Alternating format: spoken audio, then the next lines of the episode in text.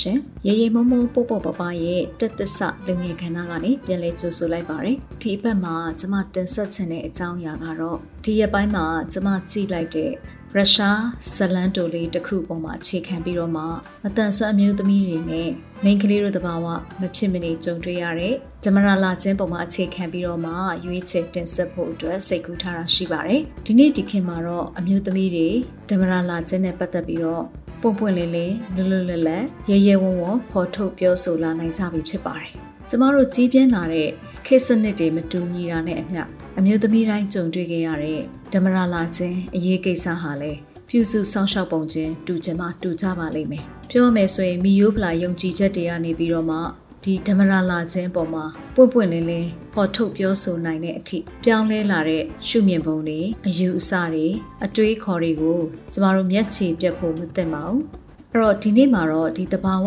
ဖြစ်စဉ်နဲ့ပတ်သက်ပြီးတော့မိန်းကလေးတွေရဲ့ကျန်းမာရေးနဲ့လူမှုအတိုင်းဝိုင်းရဲ့ရှုမြင်သုံးသပ်မှုတွေအပေါ်မှာအခြေခံပြီးတော့မှမတန်ဆွမ်းမိန်းကလေးတွေနဲ့ပတ်သက်ပြီးတော့ကျမစဉ်းစားမိသလားတွေးမိသလားပြန်လည်ပြီးတော့မှဝေမျှပေးချင်တာဖြစ်ပါတယ် ဒီအစီအစဉ်မှာဖြစ်နိုင်လို့ရှိရင်ကျမကပြည်သူအတန်ပုံစံမျိုးနဲ့မတန်ဆွမ်းအမျိုးသမီးတွေရဲ့ဓမ္မရာလာခြင်းအပေါ်မှာကိုတွေ့ဖော်ထုတ်ချက်တွေကိုထည့်သွင်းလုပ်ပေးချင်ပါတယ်ဒါပေမဲ့တော်တော်များများကဒီအကြောင်းအရာနဲ့ပတ်သက်ပြီးတော့ဖော်ထုတ်ပြောဆိုဖို့အတွက်သိပြီးတော့ဆန္ဒမရှိကြဘူးဒါကြောင့်မလို့ဒီအစီအစဉ်လေးကနေပြီးတော့မှကိုယ့်ရဲ့အခက်အခဲကိုယ့်ရဲ့အတွေ့အကြုံကိုယ့်လိုပဲတခြားမတန်ဆွမ်းမင်းကလေးတွေသိအောင်နောက်နောက်အလှည့်တဲ့အခါမှာဒီအစီအစဉ်ကိုနားထောင်ကြသူတွေထဲကဒီကဏ္ဍမှာကိုသိသလောက်ပါဝင်ပြီးတော့ဝေမျှပေးဖို့အတွက်လည်းအားပေးတိုက်တွန်းချင်တာဖြစ်ပါတယ်ကဲဒါဆိုရင်တော့ကျမကြည့်ခဲ့တဲ့ဇလန်တိုလေးနဲ့ကျမခန်းစားလေ့လာမိသလောက်ဝေမျှမှုလေးတွေကိုဆက်ပြီးတော့နားထောင်ကြည့်ပါအောင်ရှင်ကျမကတော့စီစဉ်တင်ဆက်သူနှွေးစာကြီးဆိုဖြစ်ပါတယ်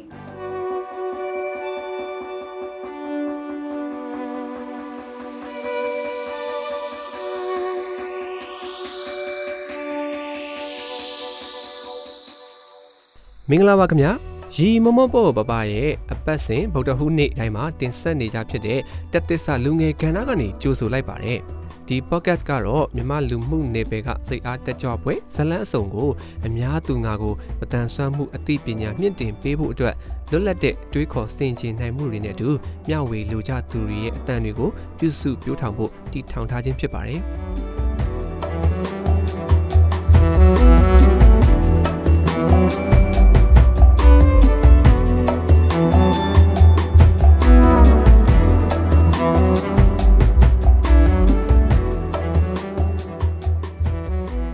ကယ်တော့ဒီဇာတ်ကားလေးကို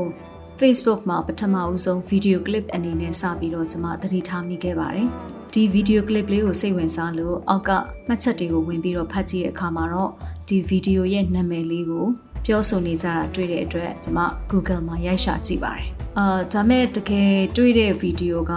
ဒီဇက်ဝင်ကန်ပါတဲ့ဗီဒီယိုတော့မဟုတ်ဘူး။အဲ့ဒါနဲ့ပဲဗီဒီယိုရှိရာ YouTube channel ကိုကျွန်မလေ့လာကြည့်တဲ့အခါမှာတော့ ရုရှားနိုင်ငံမှာဒီ Anna ဆိုတဲ့အမျိုးသမီးဒါရိုက်တာကစေကျော်သက်အရွယ်ဇက်ကောင်ညီမနှစ်ယောက်ပေါ့နော်သူတို့ထဲမှာတယောက်ကအမြင်အာရုံမတန်ဆွမ်းတဲ့အမျိုးသမီးလေးဖြစ်တယ်အဲ့တော့ TV series ကိုဖန်တီးထားတာဖြစ်ပြီးတော့မှဒီ series လေးကဂျာမန်ရုပ်ရှင်ပွဲတော်မှာလည်းကောင်းဆုံး series အနေနဲ့ဆုရထားပြီးတော့မှ director ဆုကိုလည်းရရှိထားတဲ့သူဖြစ်ပါတယ် နိုင်ငံတကာရုပ်ရှင်ပွဲတော်ပေါင်းမြောက်များစွာမှာလည်းရွေးချယ်ခြင်းခံရတယ်လို့စကားတင်စည်ရင်ပေါ့နော် nomination ပေါင်းများစွာလည်းရရှိထားတဲ့ဇလန်တွဲလေးဖြစ်ပါတယ်အဲ့တော့သူ့ရဲ့ YouTube channel ကနေပြီးတော့မှ2021ခုနှစ်မှာ premiere ပြထားတာကိုကျွန်မတွေ့ရတယ်အခုတင်ပြမယ်18မိနစ်စာရှိတဲ့ episode လေးမှာတော့ကြည့်ရှုသူပေါင်း၄သန်းကျော်ရှိတာကိုတွေ့ရပါတယ်အဓိကဘာသာစကားကတော့ Russia ဘာသာနဲ့ပြောထားတယ်ဒါပေမဲ့ကျွန်တော်တို့ subtitle မှာ ရုရှားကို auto generate အနေနဲ့ပေါ့နော်သူကသူအလိုလျောက်ပေါ်တဲ့အင်္ဂလိပ်ဘာသာစကားနဲ့လည်းပြောင်းကြည့်လို့ရပါတယ်ဒါမှမဟုတ်မြန်မာဘာသာစကားနဲ့လည်း auto translate မှာပဲပြောင်းကြည့်လို့ရှိရင်အတိတ်ဘက်ကိုအရေးမသိနိုင်တာဖြစ်ပါတယ်အဲ့တော့တကယ်တော့ရုပ်ရှင်ဆိုတာကဘာသာစကားတွေတအားကြီးမလိုဘဲနဲ့90ရာခိုင်နှုန်းလောက်အမြင်အကြားအဖြစ်သဘောပေါက်နိုင်တာဖြစ်တဲ့အတွက်ဘာသာစကားအားနည်းတဲ့သူတွေလည်းဒီသဘောတရားလေးကိုခံစားမိမှာဖြစ်ပါတယ်။ ပြောရမယ်ဆိုရင်တော့ဒီညီမနှစ်ယောက်ဟာချစ်ပေမဲ့လို့စေကျော်သက်တရဲ့ထုံးစံအတိုင်းတယောက်နဲ့တယောက်မတည့်ကြပါဘူး။မမတက်ရတဲ့အကြောင်းရင်းကတယောက်ကအမြင်အာရုံမတန်ဆွမ်းတဲ့သူဖြစ်နေတဲ့အတွက်ကြောင့်မလို့မြင်တဲ့အမျိုးသမီးလေးနဲ့မမြင်တဲ့အမျိုးသမီးလေးရဲ့တွေးခေါ်ပုံတွေခံစားပုံတွေမျှော်လင့်ချက်တွေဟာလည်းမတူကြပါဘူး။အဲဒီဆက်ကောင်အမျိုးသမီးလေးနှစ်ယောက်ဟာအမေအဖေနဲ့အတူနေထိုင်တယ်။ကျမအခုတင်ပြမယ့်အပိုင်းလေးမှာတော့ကျမရဲ့စိတ်ဝင်စားမှုဟာအမြင်အာရုံမတန်ဆွမ်းမျိုးသမီးလေးက ဗီဒီယိုတစ်ပုဒ်ကိုနားထောင်ပြီးတော့မှသူ့ရဲ့အတွင်းခံမှာဘယ်လိုပုံစံမျိုးအမျိုးသမီးလာစဉ်သုံးပစ္စည်းကိုကပ်ပြီးတော့အသုံးပြုရမလဲဆိုတာကိုသူစိတ်ဝင်စားနဲ့လေ့ကျင့်နေပါတယ်။ဒါကိုသူကရှက်တဲ့အတွက်ကြောင့်မလို့အိမ်သားထဲမှာတိတ်တိတ်ကလေးတယောက်တည်းသွားပြီးတော့ကျင့်နေပါတယ်။အဲ့တော့အမြင်အာရုံမတန်ဆွမ်းတဲ့အမျိုးသမီးတွေအတွက်ဒီလိုဗီဒီယို content မျိုးကိုထုတ်ထားတာကျမတို့မြန်မာပြည်မှာတော့အခုချိန်ထိမမြင်ဘူးသေးပါဘူး။ပြောရမယ်ဆိုလို့ရှိရင်တော့ vlogger အဖြစ်ရက်တည်နေကြတဲ့အမျိုးသမီးမတန်ဆွမ်းသူတွေရှိတယ်ဆိုလို့ရှိရင်မတန်ဆွမ်းမှုတူသည်ဖြစ်စေမတူသည်ဖြစ်စေအချင်းချင်းပြန်ပြီးတော့မှဒီလိုမျိုးအသုံးပြုပုံဗီဒီယိုလေးတွေကိုဖန်တီးပေးနိုင်မယ်ဆိုရင်ပိုကောင်းတယ်လို့ကျွန်မမြင်မိပါတယ်။နောက်ပြီးတော့တကူရေးတန်ရှင်ရေးဒီထဲမှာဆိုလို့ရှိရင်လဆင်သုံးပစ္စည်းကိုအသုံးပြုပုံအပြင်တကူရေးတန်ရှင်မှုအရေးကြီးတဲ့အကြောင်းလည်းပြောပြသွားတာကိုတွေ့ရတယ်။ဒီတော့ကိုယ့်ရဲ့မိသားစုမှာမိခင်ဖြစ်စေ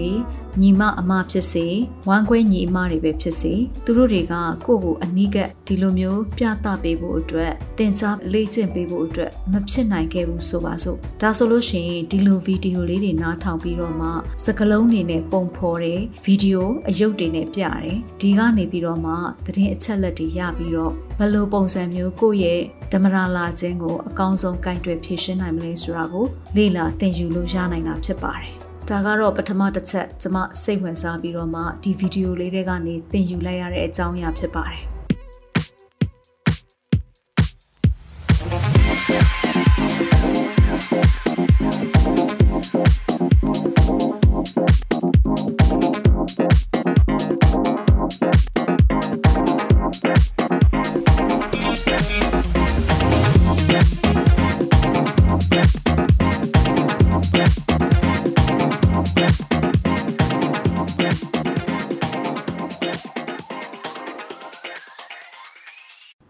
က်ထပ်ကျမသဘောကျတဲ့နှလုံးသားကိုလှုပ်ခတ်သွားစေတဲ့ဇက်ဝင်ကန်းလေးရှိပါတယ်။ဒါဟာ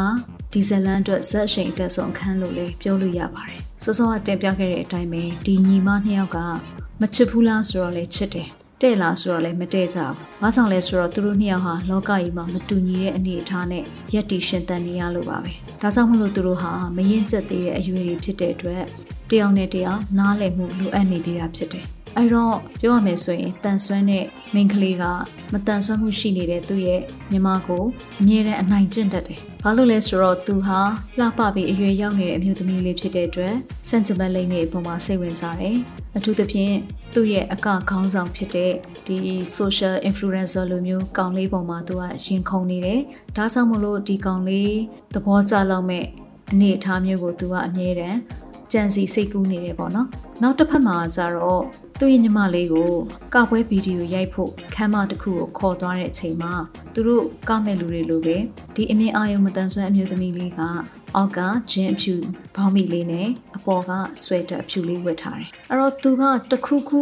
သူတို့ညီမနှစ်ယောက်ကြားမှာနားလည်မှုလွဲတိုင်းသူကသူ့ရဲ့ညီမလေးကိုပညာပြဖို့အတွက်ပဲအမြဲတမ်းစဉ်းစားနေတတ်တဲ့သူမျိုးဖြစ်တယ်။ဒါကလည်းသူ့ညီမရဲ့အမြင်အာရုံမတန်ဆွမ်းမှုကိုအခွင့်ကောင်းယူပြီးတော့မှအနိုင်ကျင့်တဲ့သဘောလေးလေးပါတာပေါ့နော်။ပြောရမယ်ဆိုရင်တော့နည်းနည်းရက်ဆက်တယ်ပေါ့။ဒါကြောင့်မလို့အားလုံးကဖို့အတွက်ဗီဒီယိုရိုက်ဖို့ပြင်ဆင်တဲ့အချိန်မှာသူ့ညီမလေးကိုကကွက်ကျင့်ပေးရင်းနဲ့သတိထားမိလိုက်တာကသူညီမလေးပေါင်းမိမှာစွန်းနေတယ်။ ဒီရာသီသွေးစွန်းနေတာကိုသူကမြင်ပေမဲ့သူညီမလေးကိုအဆက်ကွဲအောင်လို့တနေ့ကဒီဟာကိုမပြောဘဲနဲ့ကတဲ့အဖွဲထဲမှာထည့်ပြီးတော့မှကစီလိုက်တယ်။နောက်ဆုံးတချင်းဆုံးလို့ကကွက်ရက်သွားတဲ့အချိန်မှာကြောပေးထားတဲ့သူညီမလေးရဲ့ဘောင်းမီမှာရှိတဲ့အစွန်းကိုအကကောင်းဆောင်ကောင်းလေးကမြင်သွားပြီးတော့မှအားလုံးကဝိုင်းပြီးတော့ဟားကြပါတယ်။အဲ့ဒီဟားတဲ့အထဲမှာသူ့ရဲ့အမလည်းပါပါတယ်။ အဲသူကဒါဖြစ်နေတာကိုသူမသိလို့ဆိုတဲ့ပုံစံမျိုးနဲ့ပေါ့နော်။ဆိုတော့သူ့ရဲ့ညီမလေးဟာအမတန်စိတ်ထိခိုက်သွားတယ်။ငုံမလို့ရီမလို့နဲ့တော်တော်လေးရှက်နေတဲ့အနေကျုံတဲ့ပုံလေးပေါက်နေတယ်။အဲ့ဒီအချိန်မှာကောင်မလေးကသူ့ရဲ့ညာဘက်လက်ကလေးနဲ့ဘောင်းမီအနောက်ဘက်ကိုစမ်းကြည့်လိုက်တယ်။တချို့မိန်းကလေးတွေကလည်းသူအဲ့လိုတက်တောင့်တက်တာမရှိတဲ့ပုံစံမျိုးဖြစ်နေချိန်မှာအနားကိုလာပြီးတော့မှတင်မားတွေလှုပ်ပြပြီးတော့သူ့ရဲ့အဖြစ်ကိုထပ်ပြီးတော့လှောင်ပြုံကြပြန်တယ်။ အဲ့တော့တာမန်မိန်းကလေးသာဆိုရင်ဒီလိုမျိုးဖြစ်နေတာဒီလိုမျိုးရှိနေတာမျိုးကိုလူတွေသိစေချင်မှာမဟုတ်ဘူးဆိုပြီးတော့မှ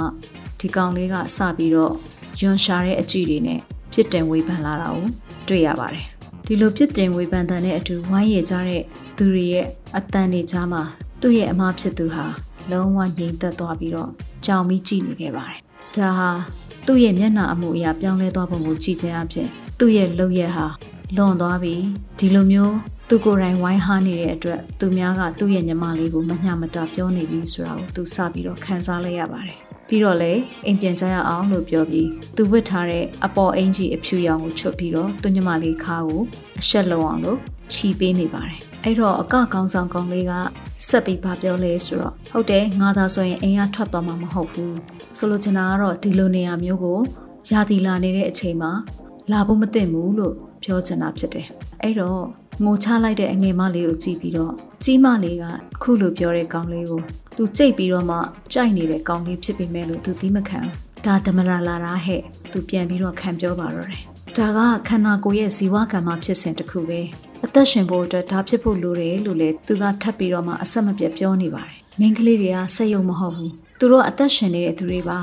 စားမယ်ချွေးထွက်မယ်အိမ်သာသွားခြင်းမယ် ကိုလှုပ်ချင်တာကိုလှုပ်လို့ရတယ်သူတို့ကိုဒီလိုလာပြီးတော့ပြစ်တင်ကြရတာမျိုးကိုသူတို့မကြိုက်ဘူးမနှစ်သက်ဘူးဆိုတာမျိုးကိုသူပြန်ခံပြောပါတယ်ဒါရင်မကသေးဘူးစောစောတော့ကဖုန်းထဲမှာရိုက်ထားလို့သူညီမလေးရဲ့အဆက်တကွဲဖြစ်သွားတဲ့ဗီဒီယိုကိုလည်းသူကိုယ်တိုင်ပြေးပြီးတော့မှဖြတ်လိုက်ပါတယ်ဒီဇက်ဝင်ခန်းလေးကကျမတို့ရဲ့စိတ်ကိုလှုပ်ရှားစေတယ်မိတ်ဆွေလည်းကြည်ကြည်ပါအမတယောက်ရဲ့ကာကွယ်မှုအမျိုးသမီးအချင်းချင်းဖေးမမှုအမျိုးသားတွေကဒီအပေါ်မှာဆက်ဆုပ်ယွန်ရှာစရာ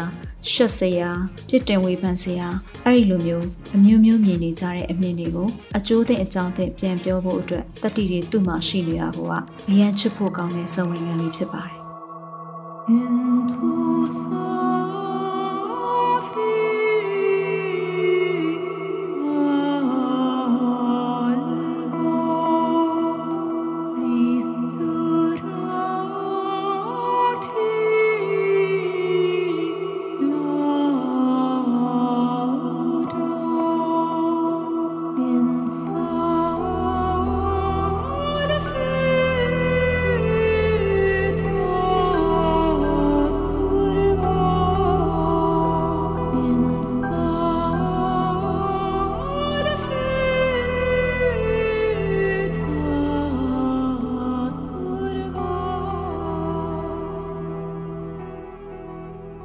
ဇက်ကောင်နှစ်ယောက်နဲ့ပတ်သက်ပြီးတော့မှ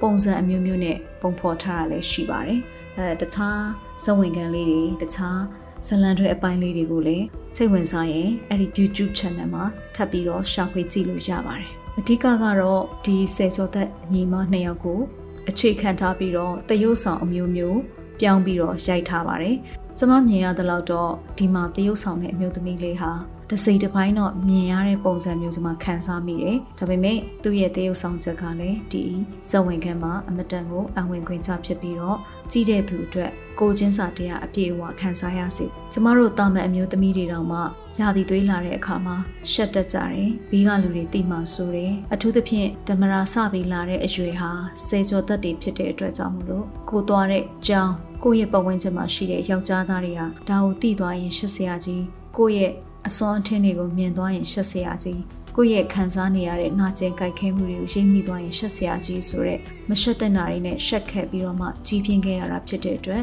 အခုလိုမျိုးဖွင့်ထုတ်ပြောဆိုရဲတဲ့စေကျော်သက်တွေကိုမြင်ရတဲ့အခါမှာကိုယ့်ရဲ့စေကျော်သက်ဘဝကိုတော့ကြည့်ပြီးတော့အားမလို့အားမရဖြစ်ခဲ့ပါတယ်ဒီဓမ္မရလာခြင်းနဲ့ပတ်သက်ပြီးတော့မှ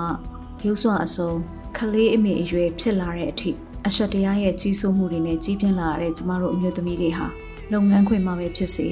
ရဲရွာလူမှုအတိုင်းအဝန်းမှာပဲဖြစ်စေဒီဓမ္မရလာခြင်းနဲ့ပတ်သက်ပြီးတော့မှဖွင့်ထုတ်ပြောဆိုဖို့အကူအညီတောင်းဖို့ရှက်ရွံ့တကြတာကိုတွေ့ရပါတယ်။ကျမတို့ရဲ့ podcast အစီအစဉ်မှာအတန်ဆွမ်းရည်ရှင်ဖြစ်နေပါဝင်နေတဲ့ညီမလေးတယောက်ဆိုလို့ရှိရင်အမျိုးသမီးရေးရာနဲ့ပတ်သက်ပြီးတော့မှစာပေပြိုင်ပွဲတစ်ခုဝင်တဲ့အခါမှာဒီယာတီသွေးအကြောင်းကိုသူရေးထားတာလေးကိုသွားတတိရမိပါတယ်။လုပ်ငန်းခွင်နယ်ပယ်မှာအမျိုးသားတွေနဲ့တော်တော်လာလာအလုပ်လုပ်ရတဲ့အခါမှာ ဓမ္မရာလာနေတဲ့အမျိုးသမီးတယောက်အတွက်နားစင်သုံးပစ္စည်းလေးတစ်ခုမေးကြံခဲ့တဲ့အချိန်မှာသူ့အကူအညီဖွင့်မတောင်းရဲခဲ့ဘူးပြီးရင်သူ့ရဲ့အဖြစ်ကိုရိပ်မိသွားမှဆိုလို့သူအမျိုးမျိုးလှည့်ပတ်စူးစမ်းခဲ့ရတယ်။လဆင်သုံးပစ္စည်းလေးအရန်ဆောင်ထားတတ်တဲ့သူကတကယ်အရေးအကြောင်းလိုလာပြီဆိုတဲ့အချိန်မှာမေ့လာခဲ့တယ်ဆိုတာကိုသိလိုက်တော့သူ့အတွက်တော်တော်လေးတုန်လှုပ်သွားတယ်။အဲ့တော့ကိုနဲ့တွေ့ဖို့စကားပြောဖို့အတွက်ကြုံနေရတာကအမျိုးသားတယ်။ဒါပေမဲ့ကိုယ့်ရဲ့ အခက်အခဲတစ်ခုကိုပွန့်ပွန့်လင်းလင်းမဖော်ထုတ်နိုင်တဲ့အခါကျတော့ပြားရီများပြီးတော့မှအလုပ်ကိစ္စကိုခဏထားပြီးတော့ဒီကိစ္စကိုဖြေရှင်းဖို့အတွက်သူဟာနောက်ဆုံးလက်ရှိစွန့်ပေနေတဲ့ထမိန်နဲ့ပဲနီးစက်ရာဈေးဆိုင်လေးတစ်ခုကအတော်ကြီးတယောက်ကိုသွားပြီးတော့အာကိုတကြီးနဲ့နားဆင်သုံးပစ္စည်းကိုဝယ်ဖို့အတွက်မိပါတယ်အဲ့ဒီအန်တီကြီးရဲ့ရှိတယ်လို့ပြောလိုက်တဲ့အတန်လေးဟာသူ့အတွက်အပျော်ဆုံးပဲတဲ့ဘာလို့လဲဆိုတော့သူ့ရဲ့ဓမ္မရာကိစ္စ ထမိန်မှာစွန့်ထင်းနေတဲ့ကိစ္စလေးကိုဒီယောက်ျားတွေကိုပွန့်ပွန့်လေးလေးမပြောရဲဘဲနဲ့သူကိုယ်တိုင်နီးလန်းရှာပြီးဖြေရှင်းလိုက်နိုင်လို့ပေါ့နော်ဒါမဲ့ဒီအဖြစ်ပြက်လေးတွေကိုသူပြန်ပြီးတော့အသိပညာပေးစာပေအနေနဲ့ရေးတဲ့အခါမှာတော့တကယ်တော့အဲ့ဒီတုန်းကသာအတူထိုင်နေတဲ့အမျိုးသားတွေကိုကိုလက်ရှိဖြစ်နေတဲ့အဖြစ်ပြက်နဲ့အခက်အခဲကိုပြောပြပြီးတော့အကူအညီတောင်းမယ်ဆိုရင်ဒီအမျိုးသားတွေဟာလည်းသူ့ကိုကူညီနိုင်ကြမှာပဲဒါဟာသူ့အတွက်ရှက်ရွံ့စရာကိစ္စမရှိဘူးဆိုပြီးတော့မှ သူအကူအညီမတောင်းခဲ့မိတဲ့ဟာကိုအားမလို့အားမရဖြစ်ခဲ့တယ်ဒီလိုအဖြစ်မျိုးနဲ့သာနောက်ထပ်ကြုံရမယ်ဆိုရင်တစ်ဖက်သားကိုသူရေးရေးဝုံဝုံနဲ့ရှင်းပြပြီးအကူအညီတောင်းမိမှသိကြရဲဆိုတာကိုကျွန်မခံစားမိပါတယ်တကယ်တော့ယာတီသွေးဆင်းနေဆိုတာဟာရှက်စရာကိစ္စမဟုတ်ပါဘူးတဲ့လူသိမခံရဲစရာကိစ္စလည်းမဟုတ်ပါဘူးလို့သူကအဆုံးသတ်ထားပါတယ်။ဘာကြောင့်လဲဆိုတော့ကျမတို့စေကျော်သက်ဘဝတွေကအမျိုးသမီးတွေရဲ့ဓမ္မရလာခြင်းကိစ္စအပေါ်မှာ ကျမတို့ရဲ့ပတ်ဝန်းကျင်မှာရှိတဲ့အမြင်တွေအတွေးတွေဆောင်ရန်ရှောင်ရန်တွေကကျမတို့တွေအတွက်ထည့်သွင်းစဉ်းစားထားတာမဟုတ်လို့ပဲဒီလိုဓမ္မရလာခြင်းဟာကျမတို့တွေကရာဇဝတ်မှုကျူးလွန်ထားတာလည်းမဟုတ်ဘူးကျမတို့တွေဆောင်ပတ်ဝန်းကျင်မှာထိခိုက်အကျိုးရုပ်သွားတာလည်းဘာမှမရှိဘူးပြီးတော့ဒီဓမ္မရလာခြင်းအဖြစ်လူသားတွေရဲ့မျိုးဆက်ပွားခြင်းတာဝန်ကိုထမ်းဆောင်ဖို့အသင့်ဖြစ်နေတယ်ဆိုတော့ယုံကြည်ခံယူချက်မျိုးနဲ့အဖြတ်တန်းနိုင်ခဲ့ကြတဲ့အတွက်အခုလိုမျိုးပုံပွင့်လေးလေးပြောဆိုဖော်ထုတ်နိုင်ခြင်း မရှိခဲ့ဘူးလို့ကျွန်မသုံးသပ်မိပါတယ်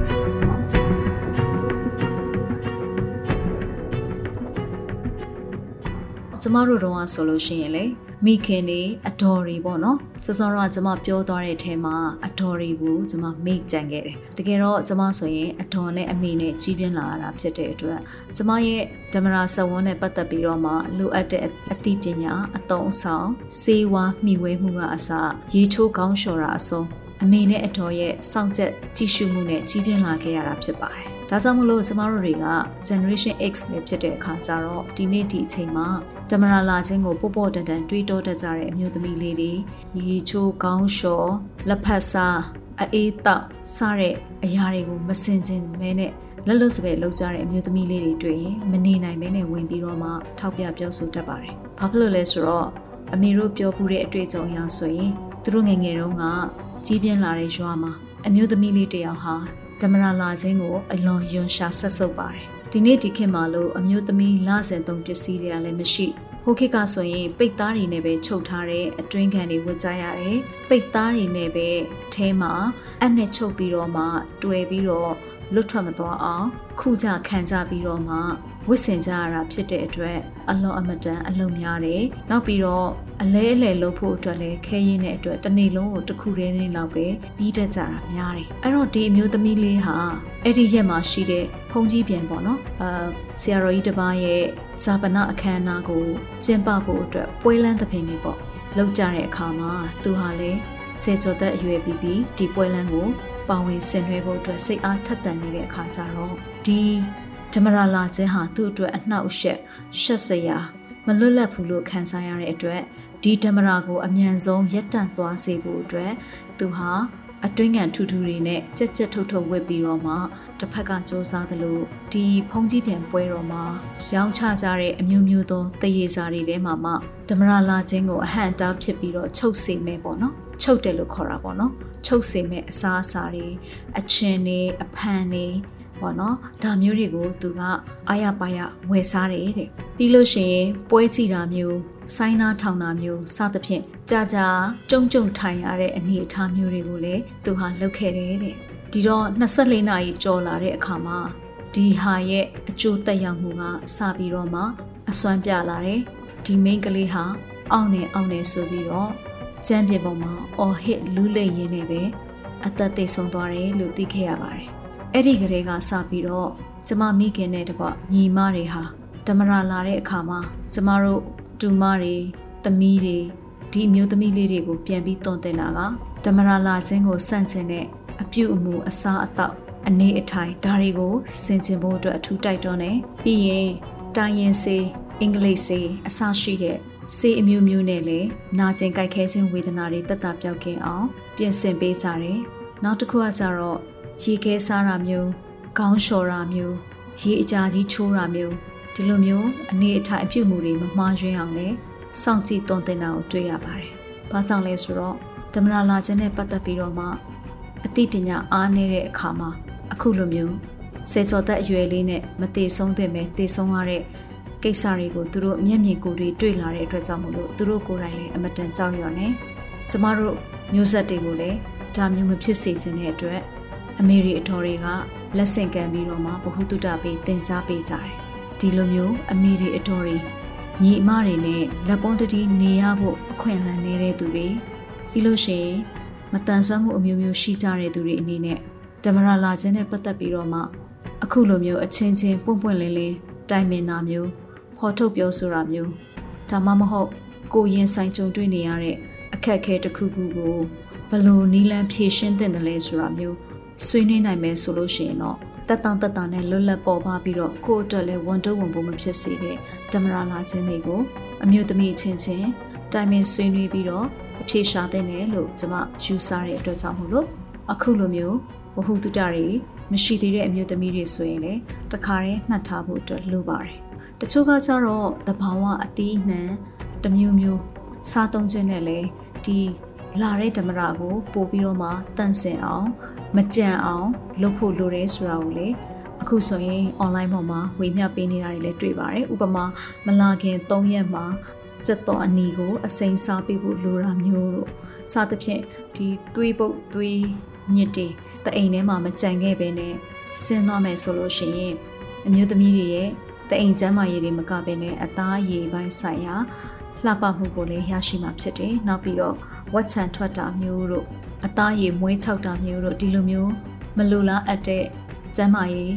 ဆိုးကျိုးတွေကိုလည်းကာကွယ်ပြီးသားဖြစ်ပါတယ်။ဒါပေမဲ့မတန်ဆွမ်းမှုလေးမျိုးတွေမှာတမျိုးမဟုတ်တမျိုးရှိနေကြတဲ့အမျိုးသမီးတွေအတွက်ဒီလိုမျိုးအသိပညာတွေလက်လှမ်းမိဖို့အတွက်အခုဆိုလို့ရှိရင်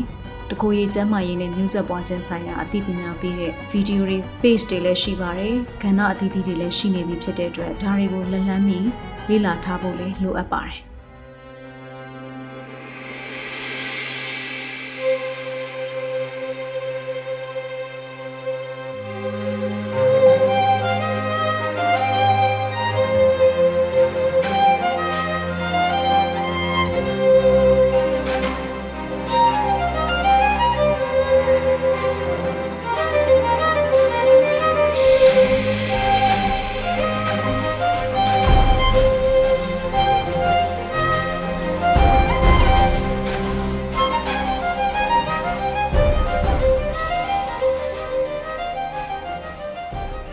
န်ဆွမ်းအမျိုးသမီးတွေအနေနဲ့တယောက်ချင်းစီမှာဖြစ်တည်နေတဲ့မတန်ဆွမ်းမှုတွေအပေါ်မူတည်ပြီးတော့မှဒီဓမ္မရာလာခြင်းကိုကင်တွယ်ဖြည့်ရှင်းရတဲ့ကိစ္စဟာအမတန်ခက်ခဲမယ်လို့ကျွန်မအနေနဲ့မှန်းဆမိပါတယ်။ကျမတို့မြန်မာနိုင်ငံမှာအထူးသဖြင့်မတန်ဆွမ်းမှုကို အမျိုးအစား၄မျိုးနဲ့ပဲအရင်ဆုံးကြည့်မယ်ဆိုလို့ရှိရင်ကိုအင်္ဂါမတန်ဆွမ်းသူဒီကိုအင်္ဂါမတန်ဆွမ်းသူအမျိုးသမီးတွေမှာဆိုလို့ရှိရင်ကိုအင်္ဂါမတန်ဆွမ်းမှုကပုံစံအမျိုးမျိုးရှိကြပါတယ်အထူးသဖြင့်လက်ပိုင်းဆိုင်ရာမှာမပြေစုံမှုဒါမှမဟုတ်ချုပ်ရင်းမှုတစ်ခုခုရှိထားတဲ့အခါမှာဒီလိုမျိုးဓမ္မရာလာခြင်းနဲ့ပတ်သက်တဲ့တကိုယ်ရည်တန်ရှင်းရေးလှုပ်ခြင်းကအစလာဆင်သုံးပစ္စည်းတွေကိုအသုံးပြုတာအဆုံးတယောက်ချင်းစီရဲ့ကင်တွယ်ဖြည့်ရှင်းရတဲ့အနေအထားဟာတမျိုးမဟုတ်တမျိုး အခက်အခဲရှိနိုင်ပါတယ်။ဒါပေမဲ့ဒါတွေကိုဖော်ထုတ်ပြောဆိုကြတာအားနည်းပါတယ်။ဘာဖြစ်လို့ဖော်ထုတ်ပြောဆိုဖို့လိုတယ်လဲဒါဟာလူတစ်ယောက်ရဲ့ကိုရေးကိုယ်ရာကိစ္စပဲ။ကိုယ့်ရဲ့ခန္ဓာကိုယ်ပိုင်းဆိုင်ရာစင်ကဲဖြစ်စဉ်ပြောင်းလဲမှုတွေအပေါ်မှာကိုဟာကိုတာဝန်ယူရမှာပဲဆိုတဲ့အတွေးခေါ်မျိုးထက်စားလို့ရှိရင်ဒီလိုမျိုးမတန်ဆွမ်းသူတွေနဲ့အဆင်ပြေတင့်တော်နိုင်မဲ့အမျိုးသမီးလာစဉ်သုံးပစ္စည်းတွေ စမ်းသစ်တီထွင်ပေးနိုင်မယ်ဆိုလို့ရှိရင်ပို့ပြီးတော့မကောင်းပေဘူးလားလို့ကျွန်မကတော့စဉ်းစားမိပါတယ်။အဲ့ဒီတော့ကိုအင်္ဂါမတန်ဆွမ်းသူတွေမှာလက်ပိုင်းဆိုင်ရာအားနည်းမှုရှိကြတဲ့အမျိုးသမီးတွေအနေနဲ့မိခင်ဒါမှမဟုတ်ညီမအမပေါ့နော်ကိုယ့်ရဲ့မွေးချင်းနေတဲ့ကနေပြီးတော့မှ ဒီလိုပုံစံမျိုးကိုကူညီဖြည့်ရှင်းပေးရတဲ့အနေအထားတွေလည်းရှိကောင်းရှိနိုင်ပါတယ်။ဒါကြောင့်မို့လို့မတန်ဆွမ်းအမျိုးသမီးတွေကိုမွေးဖွားထားကြတဲ့မိခင်တွေနဲ့သူတို့ရဲ့ညီမအမပေါ့နော်။ဒီအမျိုးသမီးတွေရဲ့အခန်းကဏ္ဍဟာအရန်ကိုအရေးပါပါတယ်။အထူးသဖြင့်အမြင်အာရုံမတန်ဆွမ်းသူအမျိုးသမီးတွေမှာဆိုလို့ရှိရင်သူတို့ရဲ့ဖြစ်တည်မှုကိုသူတို့ကိုယ်တိုင်ပြန်ပြီးတော့မှမမြင်နိုင်မသိနိုင်တာဖြစ်တဲ့အတွက်သူတို့ရဲ့တကိုယ်ရဲ့အသွင်ပြင်သူတို့ရဲ့အသုံးဆောင်သုံးဆွဲပုံတွေကအစ အနီးကပ်ပြောဆိုတင်ပြပေးဖို့လိုအပ်တာဖြစ်ပါတယ်။များသောအားဖြင့်ကိုရင်ကမတန်ဆွမ်းသူနဲ့အကြအယုံမတန်ဆွမ်းသူတွေကအမြင်ပိုင်းဆိုင်ရာအားဖြင့်အမျိုးသမီးလစဉ်သုံးပစ္စည်းတွေကိုဘယ်လိုအသုံးပြုရမလဲဘယ်လိုထုတ်ပိုးပြီးတော့မှစွန့်ပစ်ရမယ်ဆိုတဲ့အခန်းကဏ္ဍတွေကိုအမြင်နဲ့သင်ယူနိုင်ပေမဲ့အမြင်အာရုံမတန်ဆွမ်းသူအမျိုးသမီးတွေကြတော့သူတို့ကိုထိတွေ့ကြိုက်တွေ့ပြီးတော့မှဘယ်လိုပုံစံမျိုးအသုံးပြုသင့်တယ်ဘယ်လိုပုံစံမျိုးဝတ်ဆင်ရမယ် ဘယ်လိုပုံစံမျိုးစွန့်ပစ်ရမယ်ဘယ်လိုမျိုးတကူရေးတန်ရှင်းမှုရှိအောင်အဲ့ဒီကာလအတွင်းမှာနေထိုင်ပြုမှုရမယ်ဆိုတာတွေကိုစနစ်တကျအနည်းကပုံပွင့်လေးလေးသင်ကြားပေးဖို့အတွက်လိုပါတယ်။နောက်ပြီးတော့ညံရည်မတန်ဆွမ်းအမျိုးသမီးလေးတွေမှာဆိုလို့ရှိရင်အထူးသဖြင့်ဒီကဏ္ဍနဲ့ပတ်သက်ပြီးတော့မှမိမိတွေအချင်းချင်းလဲပြန်လှန်အသိပညာပေးကြတယ်။ကိုလေ့ကျင့်သင်ကြားပေးတဲ့အနေအထားထိရောက်မှုရှိမရှိနဲ့ဘလို့ပြန်ပြီးတော့တကိုယ်ရေးတန်ရှင်းမှုနဲ့တမရလာခြင်းနဲ့ဆိုင်တဲ့ ကြင်ကြံလှုပ်ဆောင်ပုံတွေကိုစနစ်တကျနားလည်အောင်သင်ပေးကြတယ်။မိဘတွေအချင်းချင်းလည်း peer to peer ပေါ့နော်။အပြန်အလှန်သတင်းအချက်လက်ဝေမျှတယ်။အလေးအကျင့်ကောင်းတွေကိုဖလှယ်ပြီးတော့မှသင်ပေးတာဖြစ်တဲ့အတွက်ကြောင့်မို့လို့ညင်ရင်မတန်ဆွမ်းအမျိုးသမီးလေးတွေဟာလည်းဒီဓမ္မရလာခြင်းအပေါ်မှာကောင်းကောင်းမွန်မွန်နဲ့ကင်တွယ်ဖြည့်ရှင်းနိုင်ကြတာကိုတွေ့ရပါတယ်။အဲ့တော့မတန်ဆွမ်းမှုတစ်မျိုးချင်းစီပေါ်မှာအခြေခံပြီးတော့မှဓမ္မရာလာခြင်းနဲ့ပတ်သက်ပြီးတော့အခက်အခဲကြုံရတာဖြစ်လေဖြစ်ထရှိတဲ့ အနေအထားအမျိုးမျိုးကိုလည်းရင်ဖွင့်ပြောဆိုခြင်းကြတဲ့အမျိုးသမီးငယ်လေးတွေရှိတယ်ဆိုလို့ရှိရင်လေကျမတို့စီကိုဆက်သွယ်ဆောင်ရွက်နိုင်ပါတယ်။ဒါဟာရှက်စရာမဟုတ်ပါဘူး။ဒါဟာဂုဏ်ယူရမယ့်ကိစ္စတစ်ခုဖြစ်ပါတယ်။အထူးသဖြင့်အမျိုးသမီးဖြစ်ခြင်းမိခင်ဘဝကိုပိုင်ဆိုင်မှုအတွက်အဆင့်တဆင့်အနေနဲ့ကျမတို့ကြော်ဖြတ်ရတာဖြစ်တဲ့အတွက်ဒီမိခင်တွေကနေပဲကဘာကိုအလှဆင်နိုင်တဲ့လူသားတွေကိုမွေးဖွားခဲ့တာဖြစ်ပါတယ်။ဒါကြောင့်မို့လို့မိခင်ဘဝကိုကူးပြောင်းဖို့အတွက်အဆင်သင့်ဖြစ်ပြီးဆိုတဲ့ အချက်ပြခြင်းတစ်မျိုးအနေနဲ့ဂုံယူဝင်ကြွားစွာနဲ့ဒီဖြစ်စဉ်ကိုလက်ခံနားလည်နိုင်မယ်ဆိုလို့ရှိရင်ညီမငယ်တို့ကြုံတွေ့ခံစားနေရတဲ့အခက်အခဲရှိမှုတွေကိုပွန့်ပွန့်လင်းလင်းဖော်ထုတ်နိုင်မှသာလျှင်ကိုယ့်ရဲ့မတန်ဆွမ်းမှုနဲ့အဆင်ပြေသင့်လျော်နိုင်မဲ့အသုံးဆောင်ပစ္စည်းတွေဖန်တီးပေးတာတခြားသောရုပ်ပိုင်းစိတ်ပိုင်းဆိုင်ရာအတွက်အကျိုးရှိစေမဲ့ကုထုံးအမျိုးမျိုးတွေနဲ့ဒီကာလကိုကြော်ဖြတ်တာမျိုးတွေလုပ်နိုင်ဖို့လိုပါတယ်။ဒါမှသာလျှင်ဓမ္မရာလာခြင်းဟာ မိမိအတွက်လဲစိတ်ညစ်ညူးစေဟာအရှက်ရစရာမဟုတ်သလိုကိုယ့်ရဲ့ပတ်ဝန်းကျင်မှာလည်းဓမ္မရာလာခြင်းကြောင့်နှိမ်ချပြောဆိုခံရတာခွဲခြားဆက်ဆံခံရတာအမျိုးမျိုးတွေကနေလွတ်မြောက်နိုင်မှာဖြစ်ပါတယ်။ဒီနေ့ဒီချိန်ထိရှေးအယူကြီးတဲ့သူတချို့ကတော့ဓမ္မရာလာခြင်းဟာအမျိုးသမီးတယောက်အတွက်နှိမ်ကြတယ်ညစ်ပတ်တယ်ရှက်စရာကောင်းတယ်လူမြင်မခံသင့်ဘူးထုတ်ပြောဖို့မသင့်ဘူးဆိုတော့ပေါင်ချင်းပြီးခင်မမီတော့တဲ့အတွေးခေါ်တွေနဲ့ အမျိုးသမီးတွေကိုရှုမြင်သုံးသပ်နေတဲ့သူတွေရှိနေစေပါပဲအဲ့တော့မတန်ဆွမ်းမှုအမျိုးအစားမတူကြတဲ့အမျိုးသမီးတွေအနေနဲ့ကိုယ့်ရဲ့ဓမ္မရာဖြစ်တည်မှုအပေါ်မှာမူတည်ပြီးတော့မှမတူညီတဲ့ခံစားချက်တွေမတူညီတဲ့အတွေ့အကြုံတွေဒါမျိုးတွေကိုများများဖော်ထုတ်ထားမှသာလျှင်အမျိုးသမီးချင်းချင်းကိုချင်းစာပြီးတော့မှဖေးမကူညီနိုင်မယ်ကိုယ့်ရဲ့အရှက်တရားဒါမှမဟုတ်အမြင်မသိတော်မှုတွေကိုအကာအကွယ်ပေးနိုင်မယ်။ ကိုယ့်ရဲ့စိတ်မလုံခြုံမှုကိုလည်းပြန်ပြီးတော့မှတဲ့မှတ်ပေးနိုင်မယ်။ပတ်ဝန်းကျင်ရဲ့မကောင်းတဲ့ရှုမြင်သုံးသပ်မှုတွေသဘောထားတွေကိုလည်းပြန်ပြီးတော့အသိပညာပေးနိုင်မှာဖြစ်ပါတယ်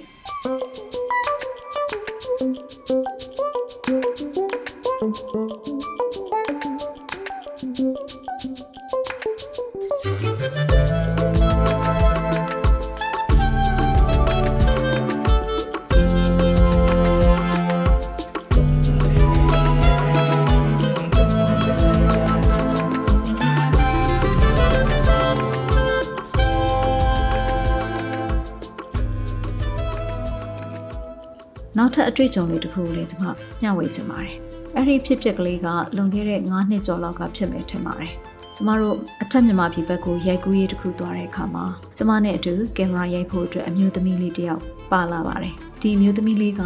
အစားအယုံမတန်ဆွမ်းသူဖြစ်တယ်ဒီတော့ခရီးစဉ်မှာကျမရဲ့အမေနဲ့အဖေလည်းပါတယ်အဲ့တော့အမေနဲ့အဖေကလူကြီးဖြစ်လို့ဟိုတယ်ရဲ့အောက်ထပ်မှာခန်းပေးပါတယ်ကျမတို့နှစ်ယောက်ကတော့ဟိုတယ်ရဲ့အပေါ်ထပ်မှာခန်းယူလိုက်ပါတယ်ဒီလိုနဲ့ရိုက်ကူးရေးကာလာပြီးလို့ကျမတို့ပြန်ကြမယ်မနက်မှာအခန်းကို check out လုပ်ပြီးတော့မှတော့အပ်တယ်ပေါ့နော်ငွေရှင်းကောင်တာမှာကျမရှိနေတဲ့အချိန်မှာအခန်းသွားဆက်တဲ့ကောင်လေးနှစ်ယောက်က reception ကိုရောက်လာပါတယ်အိယာကတယောက်အိတ်ကလေးနှလုံးရှိတဲ့အခန်းကိုယူထားတာဖြစ်တဲ့အတွက်အမားတို့အခန်းက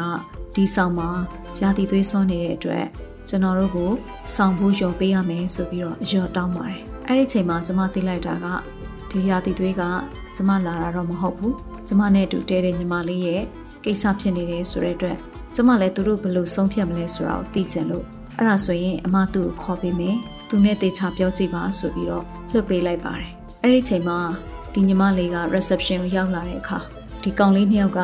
စောစောကကျမကိုပြောတဲ့အတိုင်းပဲပြောပြကြတယ်ပြောပြတော့ဒီညီမလေးကလည်းဝန်ခံတယ်ဟုတ်ပါတယ်ကျမရာသီသွေးလာတာကိုအိမ်နေတုံဖြစ်တဲ့အတွက်မတိလိုက်လို့အခုလိုမျိုးဆွမ်းသွားပါတယ်ကျမဘလောက်ရောပေးရမလဲဆိုပြီးတော့မေးပါတယ်တကယ်တော့သူတို့တောင်းနေတာကစောင်းတစ်ထည်လုံးစာရောကြေးပါအဲ့ဒီချိန်မှာပဲတိုက်တိုက်ဆိုင်ဆိုင် ဟိုတယ်ပိုင်ရှင်ကလည်းအပြင်ကနေရောက်လာပါတယ် reception ကိုမရောက်လာခင်မှာပြန်တော့မလို့အထုပ်ဘောတွေနဲ့ကားနာတဝိုက်မှာရောက်နေတဲ့ကျမအမေနဲ့ဖေနဲ့သူတို့စကားပြောပါတယ်အဲ့ဒီတော့က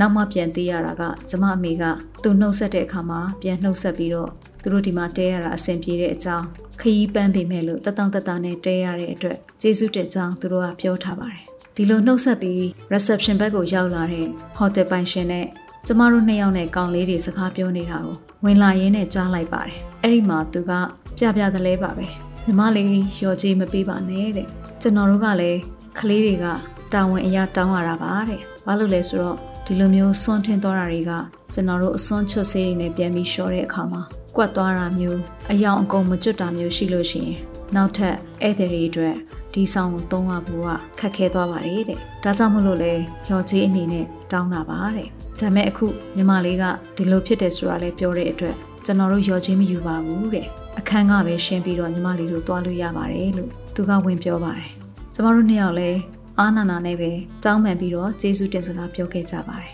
ဒီဖြစ်ရလေးကိုကျွန်မကြည့်တဲ့အခါမှာဒီဟိုတယ်ပိုင်ရှင်ကိုတကယ်ပဲ appreciate လုပ်ဖြစ်ပါတယ်ခြေနဲ့အားရပြီးတော့ခုံယူမိပါတယ်ဧည့်သည်အပေါ်မှာစောင့်တထဲထပ်ပိုးတဲ့တန်ဖိုးကိုသူကပြလိုက်တာပါပဲ အဲ့ဒီဆောင်တစ်ထည်ကိုကျမတို့မယွန်နိုင်တာမဟုတ်ပါဘူးယွန်နိုင်ပါတယ်ဒါပေမဲ့ဒီယာတီသွေးနဲ့ပတ်သက်ပြီးတော့မှလူမှုအတိုက်အဝန်းရဲ့တုံ့ပြန်မှုကိုကျမသိချင်လို့စောင့်ကြည့်ခဲ့တာဖြစ်ပါတယ်ဒီနေ့ဒီချိန်ထိအဲ့ဒီဟိုတယ်လေးကိုကျမနောက်တစ်ခေါက်ပြန်မရောက်ခဲ့ပေမဲ့ကျမစိတ်ထဲမှာတော့အမြဲတမ်းအမှတ်ရနေပါတယ်တကယ်လို့များနောက်တစ်ခေါက်ကျမအဲ့ဒီနေရာမှာပြန်တဲပစ်ခဲ့ရင်အဲ့ဒီလူကိုထပ်ပြီးတော့တွေ့ဆုံပြီးကျေးဇူးတင်စကားပြောမိအောင်ပါပါ ဒီလိုမျိုးအမျိုးသမီးတွေရဲ့ဓမ္မရာလာခြင်းကိုနားလေလက်ခံပေးနိုင်တဲ့လုပ်ငန်းရှင်တွေအများကြီးလိုအပ်တယ်မဟုတ်လားအဲ့တော့အနှစ်ချုပ်အနေနဲ့ပြောရရင်ဒီအကြောင်းအရာကိုနားထောင်နေတဲ့အမျိုးသားတွေပါမယ်ဆိုရင်လေကျမတို့မြစ်တာရက်ခံချင်ပါတယ်အမျိုးသမီးတွေရဲ့ဓမ္မရာလာခြင်းပုံမှာရှုမြင်သုံးသပ်မှုမှန်မှန်ကန်ကန်နဲ့ပြောဆိုဆက်ဆံနိုင်ကြပါစေလုပ်ငန်းခွင်မှာပဲဖြစ်စေ မိသားစုအတွင်းမှာပဲဖြစ်စေကိုကျင်လည်နေတဲ့ပတ်ဝန်းကျင်မှာပဲဖြစ်စေအမျိုးသမီးတယောက်ရဲ့ဓမ္မရာလာခြင်းပေါ်မှာမသင့်လျော်တဲ့မမှန်ကန်တဲ့လွဲမှားနေတဲ့ပြောဆိုပြုမှုမှုတွေတွေ့လာရင်လေမိဆွေတို့ကကိုယ့်ရဲ့အမေလိုနှမလိုဇနီးလိုသမီးလိုသဘောထားပြီးတော့သူတို့ရဲ့ဇီဝကံမှာဖြစ်စဉ်ပြောင်းလဲမှုအပေါ်မှာကောင်းကောင်းမွန်မွန်ချင်းချင်းသုံးသပ်နိုင်ဖို့အတွက်စူးစမ်းအားထုတ်ပေးစေချင်ပါတယ်ဒီရာသီသွေးတွေမရှိဘဲနဲ့မိတ်ဆွေတို့ကျမတို့ဟာလူဖြစ်လာမှာမဟုတ်ပါဘူး အဲ့တော့မတန်ဆွမ်းအမျိုးသမီးလေးတွေကိုလည်းဒီတမရလာခြင်းနဲ့ပတ်သက်ပြီးကိုတက်နိုင်တဲ့ဘက်ကနှုတ်ဤဆောင်မခြင်းလက်ဤဆောင်မခြင်းကုညီဖြည့်ရှင်းပေးခြင်းစတဲ့နီလန်းမျိုးစုံနဲ့ကျမတို့လူမှုအတိုင်းအဝန်းမှာရှိနေတဲ့ရှေးရိုးဆွဲအယူဝါဒတွေကိုဖျောက်ပြီးတော့မှအကောင်းဆုံးနားလည်ဖေးမှမှုတွေနဲ့ထည့်သွင်းစဉ်းစားပြီးတော့ကုညီပေးကြဖို့လေတပါးရဲတိုက်တွန်းလိုပါတယ်ရှင်။ကျမရဲ့တင်ဆက်မှုကတော့ဒီလောက်ပါပဲ။တကယ်လို့များမိတ်ဆွေတို့မှာ ကျမနဲ့မတူတဲ့အမြင်တွေတွေးရရှိမယ်ဆိုရင်လေမှတ်ချက်တွေမှာလွတ်လွတ်လပ်လပ်နဲ့လာရောက်ဆွေးနွေးနိုင်ပါတယ်။အတန်ဆွမ်းအမျိုးသမီးလေးများလည်းကိုယ့်ရဲ့အမျိုးသမီးဘဝဖြစ်တည်ခြင်းပေါ်မှာခေါင်းယူဝင်းချွားစွာနဲ့ဓမ္မရာနဲ့ပတ်သက်တဲ့ထုတ်မပြောသင့်ဘူးလို့ထင်တဲ့အကြောင်းအရာတွေမဖြေရှင်းနိုင်တော့ဘူးလို့ထင်တဲ့အခက်အခဲတွေကိုရဲရဲဝံ့ဝံ့ဖော်ထုတ်ပြီးရင်ဆိုင်နိုင်ကြပါစေလို့ဆန္ဒပြုအပ်ပါတယ်အားလုံးကိုကျေးဇူးတင်ပါတယ်ရှင်